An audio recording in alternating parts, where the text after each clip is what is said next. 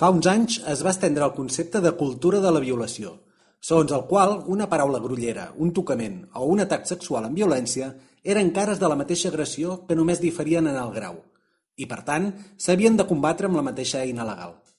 Encara que aquesta concepció grinyolés el sentit comú, d'aquell clima enfangat en va sortir la primera llei del sí és sí,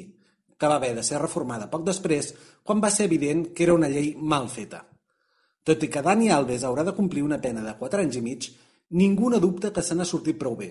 amb la condemna mínima i una indemnització que és el seu pressupost anual per a mariscades, drogues i Moet Chandon. Podem culpar la benevolència dels jutges, però la realitat és que les ganes de posar-ho tot al mateix sac han acabat convertint una sentència que molts volien exemplar en un benefici per a un criminal.